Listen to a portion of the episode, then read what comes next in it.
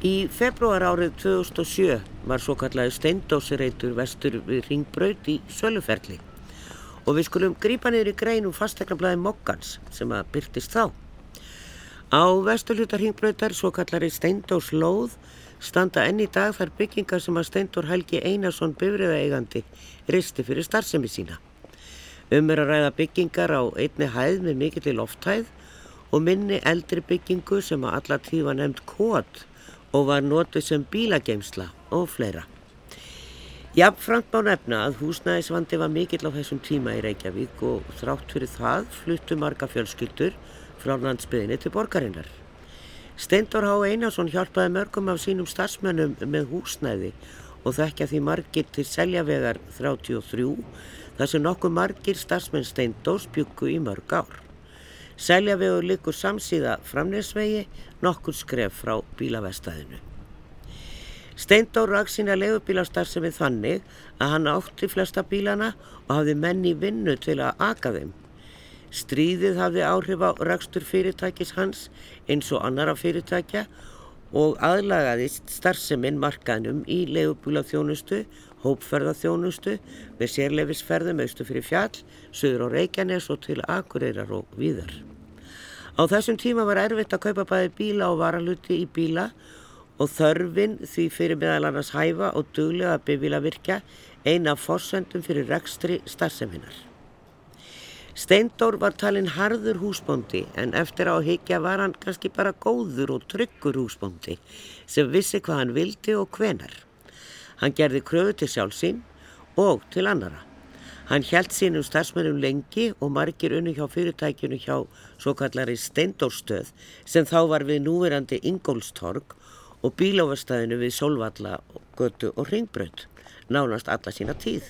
Til gamas má nefna að bifræðastöð Steindórs var eina fyrstu legubílastöðum til að taka upp legubílagjald, samkvæmt gjaldmælingu og fyrst til að nota talstöðar í legubílagstri.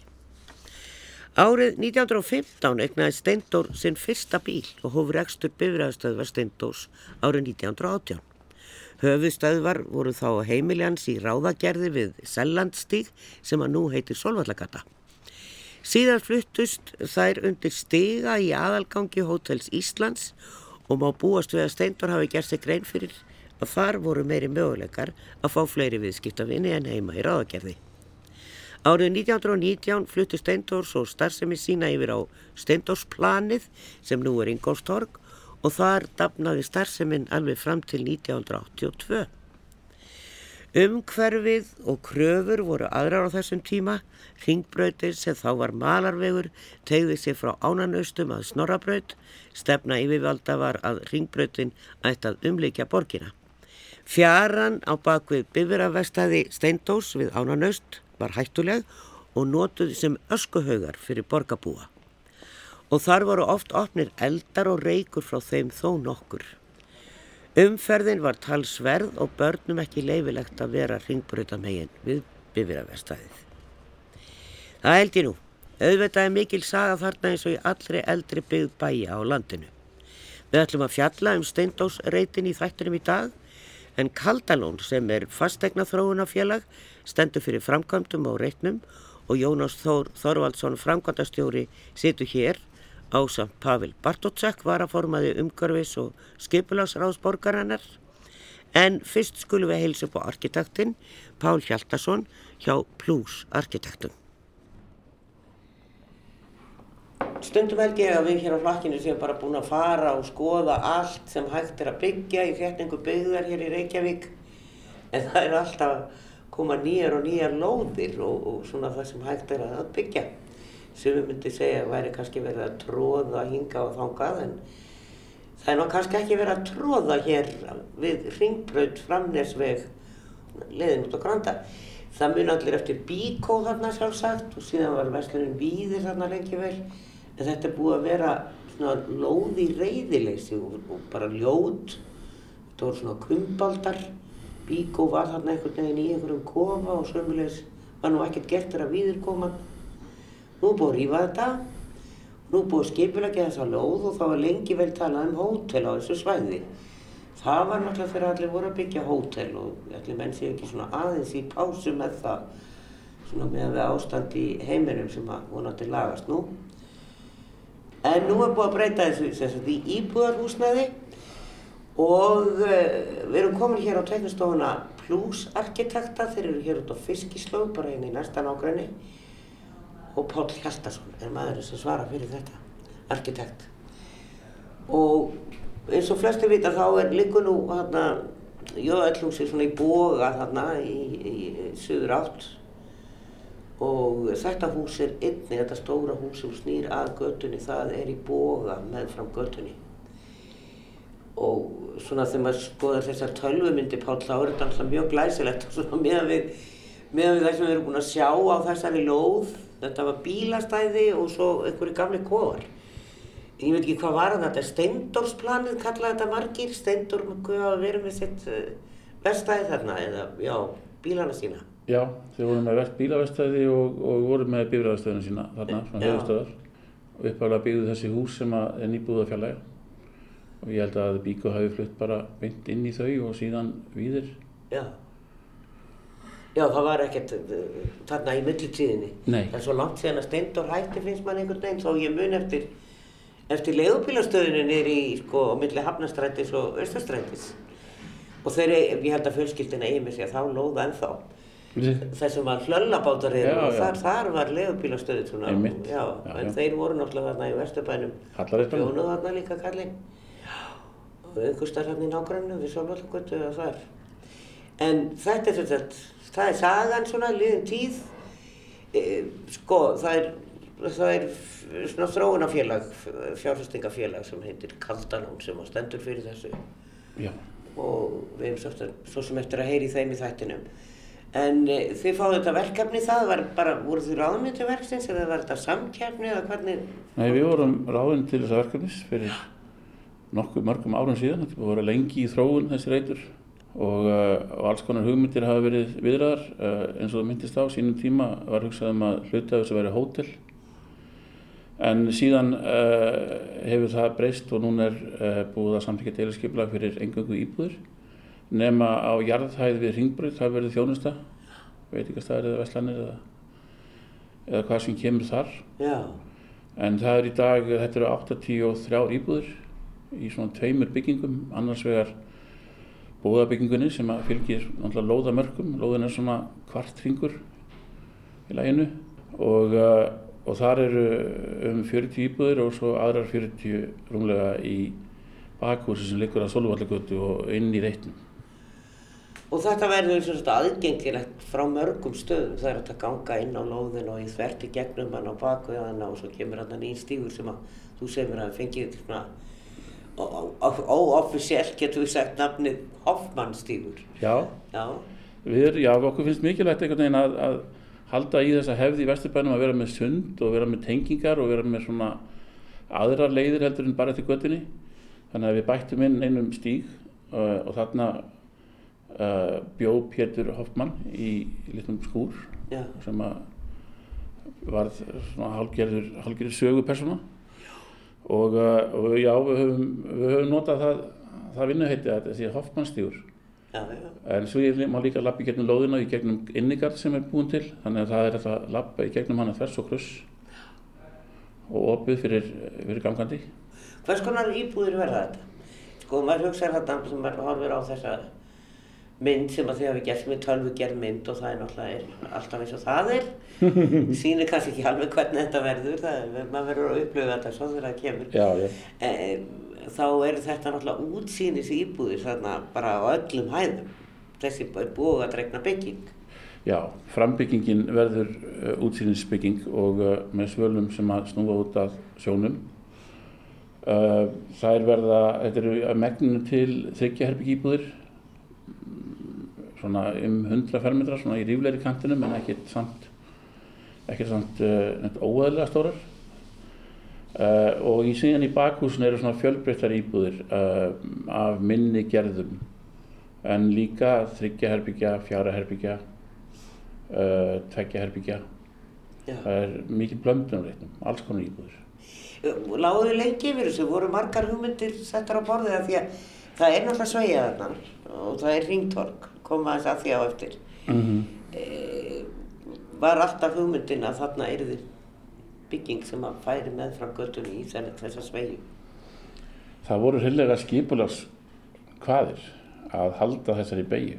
Hún var síðan skipulagi sem við raunverulega hefum, höfum breytt aðeins en er samt í grunninn til eins uh, síðan 2006. Þar var þessi bógalína bundin byggingalina. Uh, þannig að það, uh, það hefur alltaf verið einhvern veginn stemningin að að taka þennan boga á móti í jöðlúsinu, búa til þessa trekt eða þessa opnun út á hafið frá ringbötinni. Þannig að jú, það voru margar hugmyndir reyndar og já, þessi er alveg klálega til eða nummer 50 eða eitthvað álíka sko. Ég skil, enda ég sem segi það er orðið svo langt síðan þið byrjuði á þessu. Já. Eh, sko þegar maður horfið svona við erum hérna með loftmynd yfir þetta nýja hús og, og, og blokkin á bakvið sem að svona fellur eiginlega meira inn í eldri byggðina en samt er það nokkuð há hús hérna á bakvið og mannum finnst einhvern veginn samt að þetta hús sé mjög stórt á miðan við það og, og þessi lágræsta byggði í Vesturbænum hún, hún er náttúrulega lágræstan á bakvið En eins og ég segi, hún, hún virkar alltaf mikið stór á meðan við að það eru alveg fimmæða, fjóra fimmæða hús þarna meðfram Grandavegin. Eða heitir þetta Grandavegur, ég man aldrei. Þetta er Ánanust. Ánanust, já. Já, það er alveg á hodninu, við Ánanustið eru fjara fimmæða byggingar. Þær eru eh, mjög álíka stórar, sko. Þær, þær eru hérna aðeins hækkað vegna þess að við erum með jarðhæð sem er atvinnuðarsemi og þar er jarðhæðin aukinn, lofthæðin. Upp í 3,7 þannig að hún hækkar sem þýnnemur að öðru leiti er hún bara hefðbundin, hefðbundin íbúða lofthæð þannig að hún er, hún er alveg sambarileg nema jarðhæðin eins og ég segi sem er liftir í öllu upp. Já og svo er hún alltaf, sko, svo er hún stadluð þarna því að framlýsveginum og, og, og niður til í austur Já. og aðeins þarna líka í norðuráttinu, norðumendahúsins. Já, hún stallast frá tveimur hæðum og, og upp í fimm hæðir þar sem hún fyrir hæst við ringbötuna. En uh, er tveggja hæða þar sem hún mætir gamle byðinni og, uh, og tekur mikið tillit til hennar í, í hæð. Þannig að, að ég held að, að tengingin við, við gamle byðina ætti alveg að vera mild og, og þægileg. Og hvað er hún háð þessi blokk sem er á bakvið svo inn á loðinni? Hún er, uh, hún fyrir upp í fjórræðir en hún er að mestu leiti raunverulega tvær. Já, já, já, ég sé, þarna sér maður þetta betur. Hún er að mestu leiti tvær og svo er indregin þriðjahæð og, og, og ennþá indregin hluti til fjórræðis. Já, skil. En húsið er allt mjög, mjög indregið frá næstu göttum, svona til þess að, að, að lífa þeim við þessar uppbyggingu. Það er, eh, sko, maður skilur alveg að fólk gerir aðtóasendir eða það verður bara, þú verður bara vel að byrja þú byrð á framleysvegi og, og þú heyrir að nú á þetta fara að staða fólk hafur svo smátt búastu því mörg mörg ára þarna er þið gert eitthvað. Þetta er ágætt í slóð á góðum staði bænum og, og hérna að það er bara einhverju kofarlátna í standa þarna tómir það ætla bara hefur aldrei komið til græna þegar eftir einhverju eitthvað slóðina Hvernig, sko, ég, mér finnst svolítið langt síðan að maður heyrði fó, sko, kvartanir og aðtúarsemdi verið gerðar sérstaklega frá íbúðum og framleysvegi. Þetta hefur verið unnið í tölvöðinni sátt við þá. Sko það, deiliskyplaði 2006 Já. var á sínum tíma unnið mjög mikið með íbúðum við, við solvöldagötu og, og við þessa í, við íbúðuna næst og þaðan kemur umverulega þetta að það er indriði frá götu og, og hérna eru tvær hæðir fyrst og, og hækkar svo upp Eh, það, við höfum alveg verið í sambandi við, við þá sem er halda núna utan um húsfélagi þar. Og þeir eru alveg sáttir við þessa tillögur eins og þeir eru. Já. en það sáttin komin með deiliskypulögnin 2006 Ég reyndi þetta fram hjá þann og sá að það var borið í vald og, og þetta stendur klárt í rauninni bara að flytja eitthvað brak og, og segja þetta að byrja. Og þá bara fara að byrja. Já, Já. það var bara að byrja. Það það Eða að fara að kíkja þess á loðina? Endilega. Já. Sæði Páll Hjaldarsson, arkitekt hjá Plus Arkitektum og við heyrim í honum aftur og eftir en heilsum upp á Jónas Þór Þorvaldsson, frangotastjóra Kaldalóns og Pavel Bartótsek, varaforman umhverfis og skiplagsráðs borgarinnar velkomnir. Takk, takk fyrir. Eh, þessi grein sem ég var að vitni í um Mokkan, fastegnablaði Mokkans á 2007, þá var beðum tilbúð í, í lóðina. Og maður svona hugsaði, já, hvað skildum nú hafa kosta? Voru margir að berjast um hana? Kiftu þið hana þá? Já, þetta er náttúrulega góð spurning en þetta er náttúrulega 14-15 ár síðan Já. þetta var og ég er náttúrulega bara viðkenna að ég hérna bara þekki það ekki hvernig það var nákvæmlega þá því að, því að eh, ég kem að kaldalunni fyrir tæplega tveimur árum og þá var ekki langt síðan að það félag eða sérst félagið okkar hafi keift lóðuna Já. af öðrum og ég, mig grunn og hann hafi keift hann af enn öðrum þannig að hún er nú búin að vera á flakki og og eins og varst að lýsa þá eru þetta búið að vera eh, lang, langt ferli og, og, og margbreytilegt í kringum uh, þetta skipla sem við erum með í höndunum þannig að núna erum að fara að byggja eftir. Já, nákvæmlega. En ég get ímynda mér að það eru bara stuman en svo fáum við náttúrulega heilt, heilt run að því meiltíðinni og sjás að einhver eru búin að kaupa loðin og mögulega mista hana. Eh, það ekki þú þess að sögu eitthvað, Pavel? Nei, það, það ger ég ekki. Ekki, ekki eigna söguna. Við skipuleginu alltaf pælum bara mestmæknist í áformunum og hvernig þau standast bæði lög og síðan svona almenna skipulastefnu borgaríðuvalda og, og hérna þarna eru auðvitað að vera þetta byggð á, á, á góðum stað og, og ég hef alltaf verið mikið talsmaður þess þannig að það er ánægilegt að sé að fara uppbygging í gang þarna á, á þessu svæði Já sko af því að, að ég man eftir því þegar fólk var bara að skrifa í blöðinu og annað og hvart á fjersbókinu og annað að það ætti nú að fara að byggja enn eitt hótelið þarna. Borgin var nú svolítið skömmuð fyrir það á sínu tíma að leiða öll þessi hótel. Svo ef við nú, að það er alltaf eitthvað sem kipir í spottan svona kannski en það eru þá yfirlt einhverja hamfarir bankarhund eða koronaveira og það var var það Kaldalón sem var að pæli hóteli? Nei, það var, það var fyrri, fyrri eigendur eða fyrri, fyrri eigendur eða getum orðað þannig líka.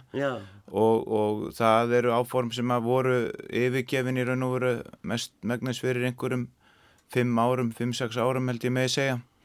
Og, og þá með því skipulegi sem að þá var gilt með hóteli að, að þá eftir það var svo breyting að hótelhlutin fór út og, og í, íbúðina komu í þann hluta sem átt að vera hótel og þá breytist ekkert sko, skrokkanir eða, eða, eða byggingamagni sem slíkt heldur engungu bara að, að, að einhverju svona 40% af byggingamagni reytsin sem var hugsað undir hótel færiðist yfir í íbúðarhúsnaði. Ég skil. Sko stefna borgarnar í þessum hótelmálum að því að þetta var svona þegar túrismin byrjar hér alveg á fullu þá reysu hótel hér út um allt einhvern veginn. Og það er ennverð að byggja hótel sem er ekki tilbúin. E, og síðan heyrði maður oft og las í blöðum að, að borgin var búin að setja stopp á hótel í miðbæin og nákrenni Já, samt ekki á kannski alveg þessu svæði. Bara þá þú segir sko hamfarir, ég kalla það nú líka bara markasöflin og hérna, nota það ekki sem nýðrið, það er einfallega þannig og það er bara mjög eðlilegt að þegar fólk horfið fram á hérna, aðra stöð í ferðarum bara sannum að það bara breyðist við því og, og fjárfrist á frekar í því sem við vita að þetta er að vera á sem eru, sem eru íbúður en við höfum hérna, enn áforma hóteluppbyggingu á mörgum stöðum í borginni Með borginni? Uh, já það hafa voru aðilar nú bara hérna nýlega að lýsa því á, yfir áhuga á að byggja hótel á sko hérna bara á, á bakkanum eh, það reyndar svona við farið í kannski annað annað farveg, borgin vildur nú ekki eh, alveg jankað við því vel en það er ekki stefnum að, um að hótel byggingar miðsvæðis eh, heyri alfari sögunu til. Hins vegar höfum við svona aðeins sett kannski meiri Eh, örlíti meiri svona hvaðir varðandi já því að svona ákveðu stoppvarandi uppbyggingu alveg, alveg onni sko miðbænum sjálfan onni kvosinni en ég held að uh, það sé engin sko slík stefnumbreyting að það kom ekki til greina að byggja hótel, ég held að það sé alveg þörf á gisturími í Reykjavík og verður þegar að þessi ferðamanna uh, bransi fer aftur að stað sem vonum öll að verði. Já. þannig að hérna uh, en við bara, hérna, hér eru bara aðeins sem, sem meta svo að þarna sé, sé markað fyrir íbúðir og það er bara sjálfsagt að hérna, verðaði því. En, en ég myndi ekki tólka þetta sem einhver svona heildar stefnu að nú verði aldrei hóterbyggt Nei, nei, ég, var bara, ég man bara hjálparstóð og sagði það er búið að fylla kótan í í miðborginni einhver tíman þegar hann var formaður ráðsins. En svo ég verði klárið því þá að það ekki kannski við um þetta svæði akkurat. Það er, hinn, það er kvosin sem er svæði M1A sem er svona meðfram þá laugaveginum og í kvosinni sjálfri. Þetta er nú kannski svona með, meira jáðarsvæði miðborgarna það sem, það sem hérna, við höfum ekki sendt svo ströng skilir ennþá. Nei, komum náttúrulega mýragöttun og öðru áðan hvort það eru hótel þar, ég veit það líka. En við ætlum að spjallum þá eftir. En e, Pál talaði líka um þjónusturými mm -hmm. og þetta virðist vera bæði sko, mörgu tilfellum skilir frá skipulæðinu og síðan náttúrulega bara þeir sem er að byggja kjósa að setja þjónusturými á, á næstu hæðir. Það er sömulegðist þarna. Mm. Það er náttúrulega ymið þjónustafna hínum með við göttuna í Jóðlúsinu, það eru veitingastæðir og lengi vel var náttúrulega matarbúð þar en hún er farin e, og þar var nú líka hótel sem held ég laði upp löpana og, og gekk ekki en e, hvað hafið þið eitthvað hugsað hvað mögulega verður í þessu þessu tjónusturími? Nei, það hefur ekki verið svona uh, gengin eitt frá því ennþá og verður skoðað svona þegar nærdregur því að það sé, það sé klárt og tilbúið en, en það er eins og þú bendir á að þá auðvitað hefur verið uh, hluti af, af þeirri lausna að byggja þjætt í miðborginni að, að uh, jarðhæðinar eru gætnan hafðar undir undir atvinnurími og eðlilegt og bestamál. Það má kannski segja að uh, í, í Reykjavík eins og á, á fleiri sveitafélögum og höfborgarsvæðinu þá hafa menn kannski farið aðeins of langt í þessu. Það er að segja þetta er náttúrulega ekki það stór, stóri byggðarkjarnar eða fjölmennir eða byggt á það margar hæðir að þeir beri það endalist uppi að vera með vestlunar og atvinnurími niður á jarðhæðum. Þannig að Eh, menn hafa svona að, að, að, aðeins verið að draga þetta tilbaka mm. og halda þessu meira á svona kannski bara helstu kjörnum og en, eins, og, eins og þú bendir á þarna er þetta rýmið sem snýr út af ringbröðinu og ég held að því sé að mörguliti mjög vel komið þarna og, og hérna geti verið áhugaverðir möguleika til þjónustu fyrir íbúa þannig í, í, í grendinni því að við vitum það auðvitað að það er sama með, með það eins og íbúarhúsna að það er sára lítið auðvitað byggt þarna nýtt á á hérna, þessu svæði og hefur alltaf verið neitt síðustu 50 árin. Nákvæmlega, en það er náttúrulega verið að byggja þarna. Núna á lýsisreitnum og á mýragötunni og hérðinsreitnum eins og hann er kallaður og, já, og þá er að koma þarna starta výbúð. Þú segir náttúrulega núna, sko, en já. núna er aðeins afstætt og, og já, það er reynd, reyndinni þannig að eins og þú bendir á, á, á keilugrandanum að það er að verða tíu ára gamalt og það er kannski eini fjöldin af íbúðum sem þarna hefur hreinlega komið í 50 ár svona í einhverjum 200-300 metra radjus og Já. svo bendur réttilega á að, að hérðinsreiturinn að hann er, hann er orðin skipulaði líka og, og hann, það, það er nýbyrja að byggja líka og, og það er eitthvað að koma þar líka. En, en eins og ég segi það sem er tilbúið nýtt og hefur komið nýtt að það eru kannski með rúmlega 100 íbúður í halva öll Já Já, já, það hefur lítið verið byggt og það, þess vegna er þörfin mikil já. og við, það, er, það er nú sér maður í fréttum að hverju með einasta degi og, og, og svo hefur við verið að tala um bara síðast í blöðum í dag að allar íbúði að verði því að hækka í borginni. Solvallagatan sem snýra ykkur er alltaf held ykkur 20 ára gammalt cirka. Jú, fyrir, það er rétt. En... Hérna, það sem að ykkur snýr sko, þannig að það, það var svona svipu lóðmur að mörgu leiti og hún hefur verið að þéttast já.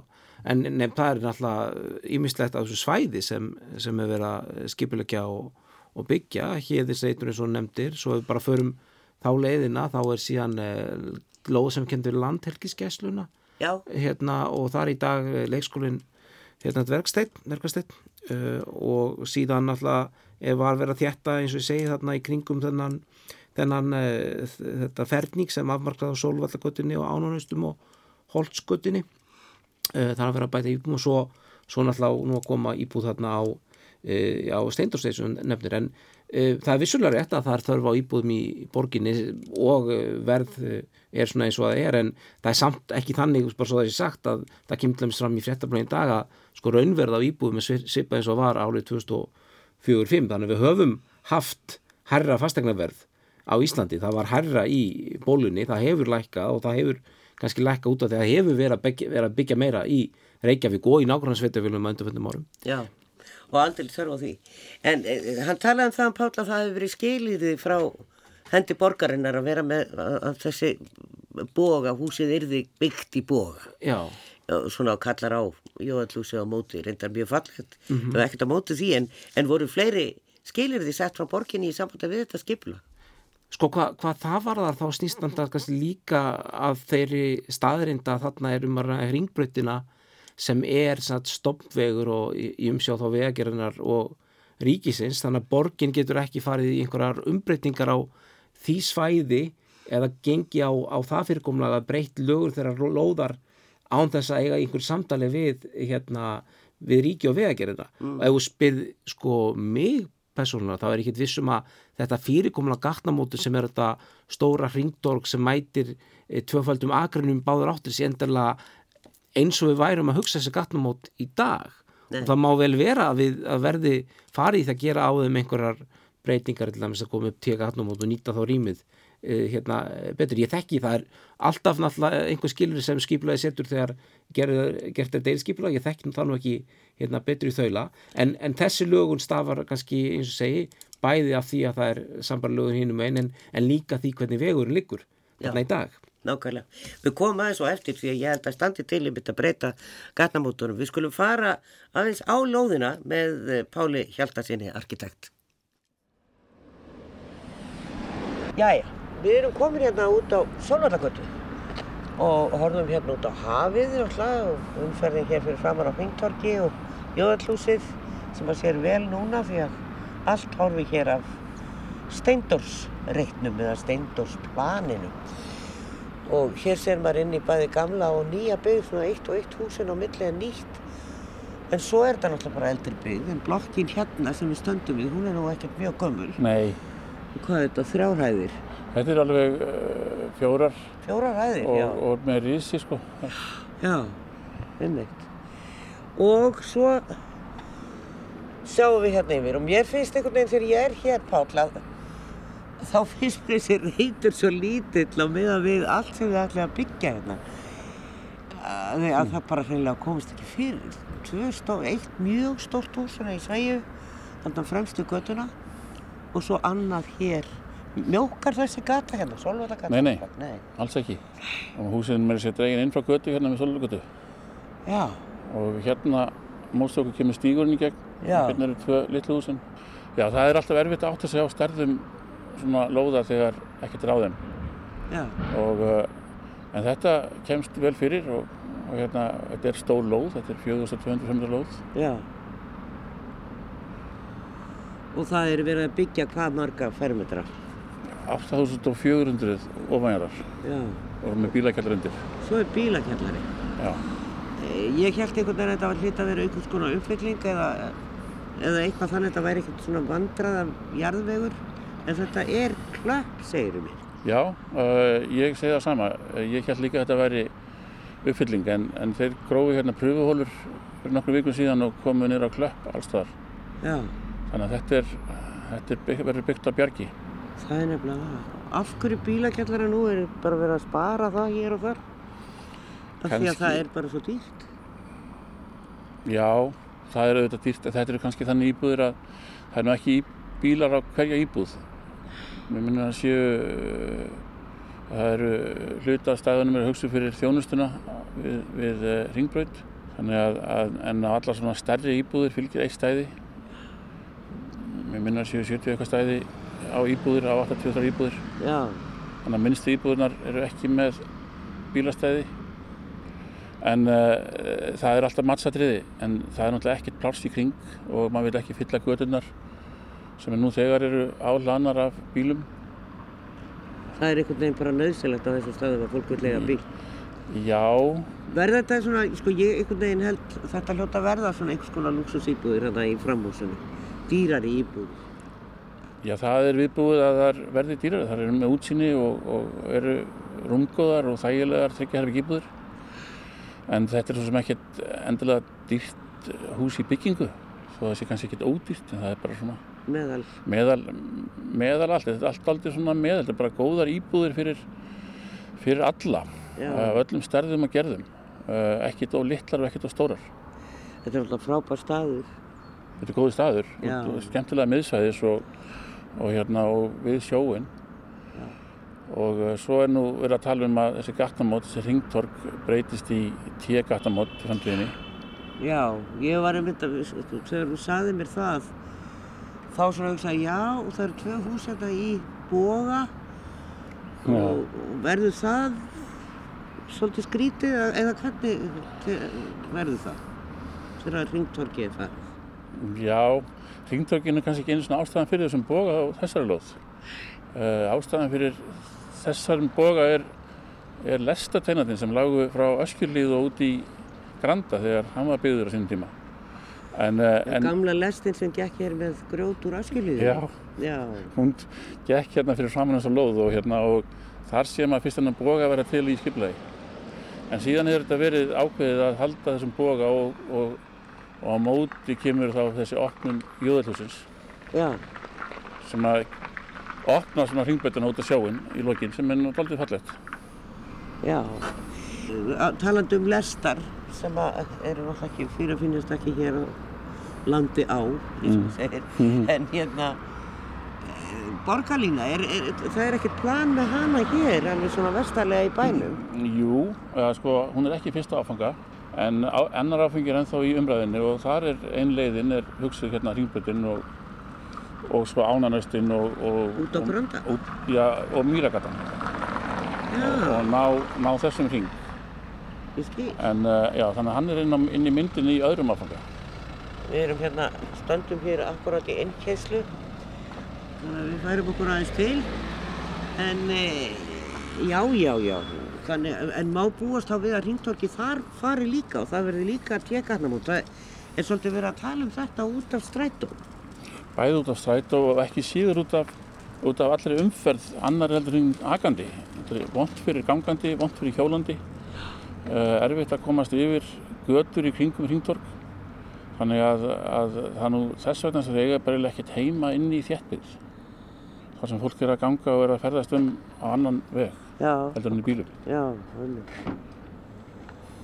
Þannig að það, það verður allavega að teka þetta mot hér og mögulega þarna út á Mýragötu og Svo er náttúrulega verið að tala um að hringtorki fari hérna á hringbröttinni við, við þjóðminnarsafnið og þar, þar já. fer borgarlín allavega í fyrsta áfóka og því verið breytið aftan mál. Já. já, já, já, það verða miklar breytingar kring borgarlínuna. Já. En uh, já, að, það, það verður sá kostur hér að ykkur tíman í framtíðinni, það er þá innan, innan tíu ára mögulega, að þá verður borgarlín að koma hér þegar þeir verða komin á stað þá hef ég trú á því að það gangi hraðar heldur en að byrja á henni. Það haldi líka. Já.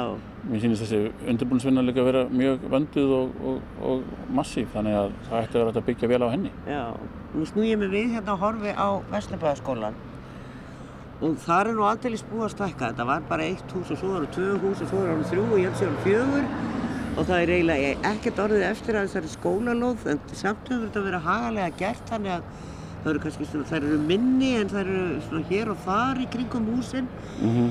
e, það flytur náttúrulega sletta fólki hérna inn í 80 íbúðir og, og alveg búast við að einhverju verði með börn já, já. Ég held þessi skólu sé alveg sprungin. Hvað, er eitthvað pælt í því í deiliskeipulaginu það er náttúrulega svo sem aðalskeipulasmál þar er, er íbúðafjöldi skilgjendur á svæðum. Uh, já, þetta er raunverulega deiliskypulegið er bara innan aðarskipulags og við horfum ekki, aðarskipulagið horfir svona á stærri, stærra mengi en deiliskypulegið horfir svo sem ekkert mikið annað heldur en á lóðina og næsta nákvæmni. Þannig að, eh, en aðarskipulagið á náttúrulega að fyrkjast með því að það séu jafn íbúðadreifing, eða jafn nógu mikið að íbúðum baka hvert skóla og ekki á mikið. Já, já, það, maður verður að sjá til með þá hvernig það mál lítur að verða leist eins og vanulega. En e, þetta er vinsælt skóli og hann er held ég alveg smekkvöldur og ekki eftir að koma fleirum fyrir þar. Nei, held ekki. Nei, akkurát. Ekki bíli. Nei. En hvernig er alltaf að byrja? Það er búið að rýfa allt. Þetta stendur hér bara rusl í rúum. Já, já, það er búið að rýfa húsinn og eftir stendur stift plan og gólplata og og uh, ég uh, gerir áfrið að það hefur verið byrjað núna bara veðulegir bara næstu vikum mánuðum að, að gera bílakjallanan ef að vegrið heldur áfram eins og það er í dag þá ætti það nú ekki vera mikið Nei, það er ekkert að veðrinu. Nei, nákvæmlega. Það verður spennand að sjá þetta er komið og það verður að byggja svo víða eins og ég sagði upp af því og hérna. Og ætlum að lifa að sjá þetta allt saman upprísið Kanski allt Kanski ekki allt, eitthvað af því. Eitthvað af því. Já, það verður spennand að fylgjast með uppbyggingu hér á þarra borginu og meðal annars þarna og við kveðjum þar með Pál Hjaldarsson arkitekt hjá Plus Arkitektum og höldum áfram hér í stúdiói með Pavel Bartótsek, borgarfulltrú og Jónasi Þór Torvaldsenni, frangvandastjóra Kaldalós.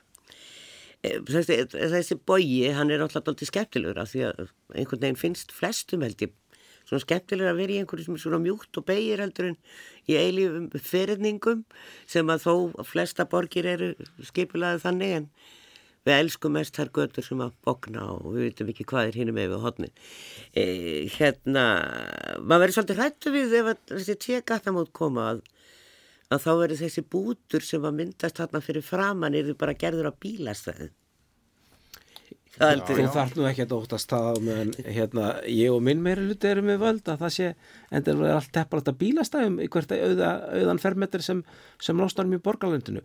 Hér var nefndum en alltaf borgarlýna og það er rétt á, hjá Páli að, að hérna, hún er ekki áformið fyrsta áfanga en mér finnst velkomandi greina og okkar greiningafinna bendir til að sé skynnsamlega að henda leggja borgarlínu með frá ringbrótin og síðan annars vegar e, út á Granda og svo hins vegar e, sagt, út í Seldarnes og þá myndi hún koma þannig gegn og rými sem skapast við það þessi gattamót á uh, verða til og ringdorgi fer er náttúrulega þetta 19. mjög flotta uh, borgarlinni stöð Já. þannig að ég myndi svona frekar hérna, óttast, ekki óttast heldur vænda þess að það eru því nýtingin á rýmyndir framtíðar heldur en bílastæði Já, en hann nefndi líka að það væru og ég maður veit það hérna í gamla vestubænum bara heima fólk er í vandræði með að leggja bílnum sínum þegar það kemur heim ef það er ekki stæð á lóðinni af því að það eru þröngar gamlar göttur þar sem það var ekkert verið að gera ráð fyrir bílum Nei. þannig að maður verður svolítið hrættur ef það kemur eitthvað svona Ná. og það verður svolítið leiðilegt úr í framann þetta glæsilega húsa mm -hmm. að það kemur bara hægt einhver bílastæða Já, já, ég, þess vegna hæfur náttúrulega niðurstaðan orðið svo að byggja heilan bílakjallar undir allir í lóðinni og það létti náttúrulega klárlega á öllum þessum málum. Já. fyrir þá sem þarna munu kaupa íbúður og búa og alla aðra í nákvæminu líka. Já. og hvað var það náttúrulega hennan boga, það var ég alveg sammála því að það tekist frábælega til að, að, að gera eh, góða hönnun úr, úr þessu verkefni og, og hérna og uh, verður mjög svipmingill og, og hérna skemmtilegu reytur full byggður ef að þessi blön gangu upp eins og þau að gera. Já og, og uh, það er mikið búið að leggja í hönnunina og áður en hönnunin var unnin og, og, og kláruð að þá var auðvitað unnið mikið verk í deiliskypulasvinnunni og afar krefjandi starf sem hefur hefnast alveg hent frábælega alveg og þar var auðvitað stóra verkefnið og það sem er erfitt og þú varst að nefna það er margskonar byggð þannig fyrir milli gömul og, og mjög gömul og, og á tveimur og þreimur hæðum og eitthvað hærra Já. og það hefur tekist mjög vel að svona aðlaga uh, þetta af því sem hann er fyrir eða stóru sem smáu Já. mikið upp í broti reitnum og þó að sko framhúsið sé sem sagt upp á fimm hæðir mest þá er, þá er það stallanir á, á þrjár og, og meiri sem er á tvær að hluta til og byggingarna fyrir aftan eru stallaðar frá fjórum, þremur og nýri tvær og brotnar þar að ekki mjög mikið upp í, í, í lárettri línu. Já. og útkoman verður bara svo að þetta eru, eru, eru verða mjög glæsilega byggingar. Það kemur vel út á teknikonum og svo er þetta tvö lítil hús líka sem var standastök nákvæmlega en, en eins og ég segi þetta kemur mjög vel.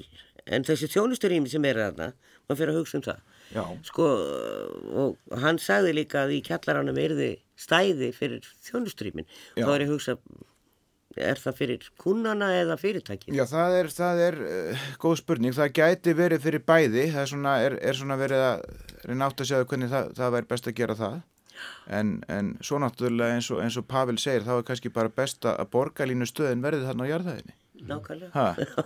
600 fermetrar þar að þeir eru besta stað fyrir, fyrir þetta þegar erum búið að breyta gannamótan og það er annars ekki alltaf býðist eftir stræt og þarna við jóðallúsið oft í, í norðanáttinni. Já, en, en, en sko maður vonast náttúrulega þessi umræðum þjónustyrjum er mikilvæg nöðsynleika því að það er auðvitað rétt og ágættis ábendingar sem koma stund að þess að fólk velti fyrir sér þörfinni og, og, hérna, og hefur stundum þótt að sem var ekki of uh, fjárfæstingiði sem kann einhver leita vera. En svona ef maður lítir allavega svæði í kringum þá allavega hefur þjónustan á svæðinni kringum þrifist ágætlega bæði þá hinum einn í jóðallu svona hefur það gengið vel að leia og vera með veitingarekstur og veslaunrekstur og svo erum við með pizzastað þarna hinum einn og, og sólbárstofi þannig að maður allavega, ef maður horfður á svæði þá allavega vonast með og óska þeim auðvitað að það gangi vel að leiða út þessi rými og hérna, kom, koma þá fyrir góðið þjónustu Svona kröfur um íbúðir, sko, borgin hefur verið að leggja Já, gera kröfur í rauninni til byggingaðilað þegar lóðinni skipulega það séu svona, svona, svona íbúður. Er þið með eitthvað kröfur þarna? Er kannski meira á svona... Já, það, það hefa verið settar ímsar ímis viðmyðum um það. Nú þekk ég ekki nákvæmlega hvernig, hvernig svo vinna fór fram í tengslum við þetta. Það getur kannski einhver annar e, svara því. Almennt fylgjum, við svona fyrst og fremst bara byggingar reglugerðum en síðan kannski eru settuð við með að það sé smá fjölbreytni í, í hérna, íbúa gerðum á svæðinu svo að sé ekki bara hérna, stórar, mjög dýrar íbúður heldur íbúður sem geta nýlst fólk í ald, alls konar aldursópum Já, hann gaf ekkert mikið út á það að þetta væri lúksusýbúður hann, hann Pál, en, en ég ekkert neginn svona með því sem að ég verið að fylgjast með og annað þá e, já, svona það er útsýnið allt það verður þetta dýrt. Já, hvað heldur þú? Þetta verða, það stendur ekki til að þetta verði neitt sérstaklega luxusýbúður en, en áformin eru að verði vandar og það eru vel staðsettar Já. og sumar er að hafa náttúrulega alveg frábært útsinni og uh, hérna síðan er þetta, þetta blandað reyturinn, það er aldrei munur á íbúðunum þarna framan við og svo aftur inn í reytnum og, og eftir á hvað hæð fólk er og svo framvegis en, en, en hérna og að því hún nefnir það þá gildi það náttúrulega þarna eins og hefur gild allstaðar á nýjum nýskipilöðum eða nýlega skipilöðum reytum borginni að það er eh, margskonar krefjandi skilmála sem við höfum þurft að, að leysa úr og, og, og, og föllum undir og þar á meðal auðvitað að sé blönduð blöndun á, á stærðum og þannig að þannig er góð blanda af tveggerbergi íbúðum og þrygggerbergja og fjárherbergja líka og mér sé einhverja fimmherbergja og einhverja stúdíum er að líka þannig að það er mjög skemmtileg bara flóra þarna íbúin sem kemur út úr þessu. Einhverjar leðu íbúður? Uh, ég, við reiknum með að það verði en það er ekki, ekki, ekki, ekki neinn skilda á, á íbúðum þarna Nei. með það en, en borgin á, ef við mannrétt kaupir þetta á einhverjum, einhverjum íbúðan undir félagsbústæði.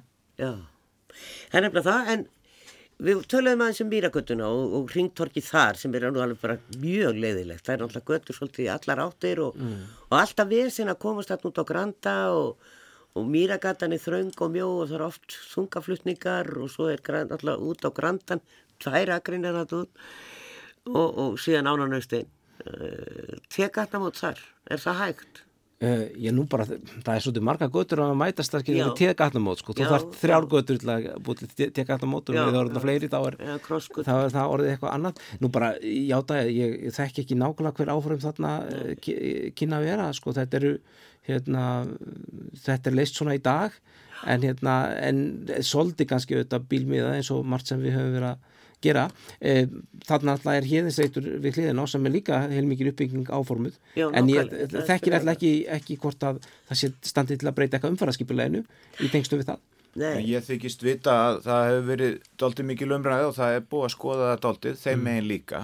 Og, og þarna við ringbröðina að, að þetta sé mikið hendur að fyrirkomulega og miklu vætna til þess að að mannlífið og, um, og svona umferðgangandi og hjólandi verði mun skemmtilegra og, og minna fari undir í raun og veru umferða mannverki þá þó að mm. bílumferðin er að komast áfram sína leið Já, Þannig þetta er svolítið flókið þarna á mýraköttunni af því að þetta eru hvað, einn, tvær Akkurat. og þetta er tvöfalt og Já. svo eru tvær aðgreinar út á grandan og, og svo einn nýri bæ Einmitt. þannig að þetta eru eiginlega sko, fimm sex göttur þarna. Við erum þetta allstar þarna á þessu svæði að díla við það að þetta er auðvitað bara gamalt yðnar í rauninni uh, jáðarsvæði borgarna fyrir nokkrum áratöfum síðan sem er bara nánast yðnarsvæði sem núna erum við að breyta í íbúabigð eins og oft gerist og þá er kannski umfyrðaskiplaði svolítið miða því eins og Já, þetta var. Okay.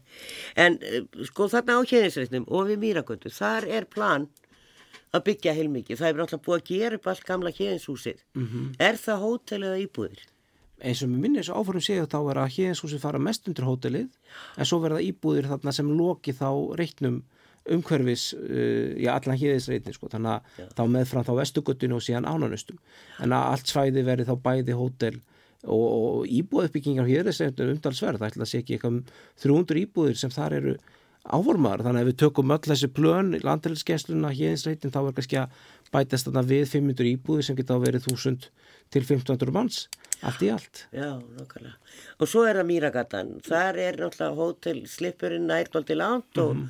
svo er stór blokk hérna sem er nú orðin kannski 10 ára, 15 ára mm -hmm. en svo er þetta pínlítla fríða stein, þessi steinbær sem stendur þarna, aðleitt og maður hugsaður einhvern veginn byrju hvernig á að gera þetta? Og að byggja alveg onni hann er, er komið eitthvað plan á það? Nú, það, það er bara sko, alveg auðlóð þarna frá á Mýragötunni, frá Sleipnum norðan megin við Mýragötu. Sko það er áformum að byggja þetta upp á þessum stað á þessum reit frá hérna hótelinu og upp að hérna rauninni þá Steinbænum litla Já, hérna, og nú, þyr, þurft ég bara aðeins að fletta í gegnum skjölum hvað búið að samþykja hvað að leggja til en já. við höfum almennt séð svona í setni tíu þetta verið e, miklu nærgetnari bara ég tal ekki við sem hérna, meirulutina borgin heldur bara samfélagi allt í garð svona sögunar ég menna svo ég taki bara annar reytan ef hlýðan þessar dæmi sem er landegísgæslan þar er, þar er hús sem er kallað stótvarnahúsið sem, sem hefur staðið við og snúið ánanustum sem er gráleitt hús með steinsteltum kjallara og uh, gildandi deilskipulega gerir áfyrir að það fari en, en uh, þetta er ríkislóð sem borgin vonast þess að geta komið inn og, og tekið yfir skiplaðið á og, og þá svona sjáum við fyrir okkur að við höldum þessu húsi og komið einhvers staði fyrir á, á, á lóð. Þannig að viðhorfinn hafa breyst í þessum öfnum. Já, Steinvarinn er alltaf friður. Mm -hmm. en og hann verður alltaf ekki tekinn. En, hérna, en aðeins um skólana hérna í lokin. Því að sko það, landakotskóli er náttúrulega upp á hæðinni engareikinn skóli Vesturbæðaskóli svo Grandaskóli kannski ekkert svo langt undan. Mm -hmm. Eh, en eh, það flytur náttúrulega bæði fólk þarna á, á allt þetta sko 500 íbúðir segjuru á, á þarna á hérðinsreitnum þarna eru 80 og eitthvað íbúðir eh, Ég meinti 500 á svæðinu öllu, cirka Já, já, hvað á að gera við börnin? Það er pláss í Vesturbæðaskóla eftir því sem ég best veit Já. að því að það var, hann hefur verið stækkaður fyrir eins og allir sem kom á reytni sjá að, að það er nýlar viðbyggingar þar og skólinn var stækkur þegar stækkaðu að gerst ráð fyrir fjölgunni hverfinu sem var síðan ekki af sama magni og fólk var að búast við. Þannig að það er rými í Vesturbæðaskóla, hann er ekki sprungin Nei. og hann getur tekið við uh, fleiri uh, börnum, þannig að fólk á að geta þurfa að hafa að gera því.